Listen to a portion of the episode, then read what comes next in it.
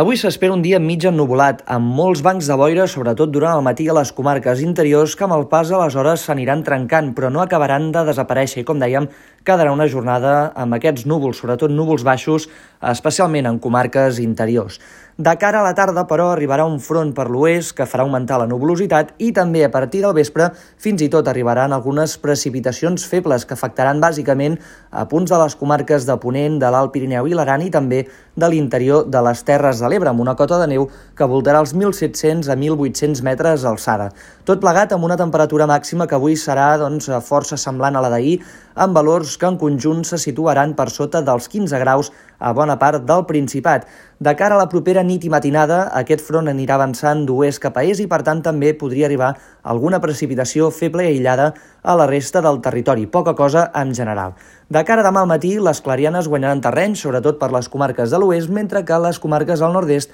es mantindrà encara aquest cel força ennubulat ben bé fins a mig matí o migdia.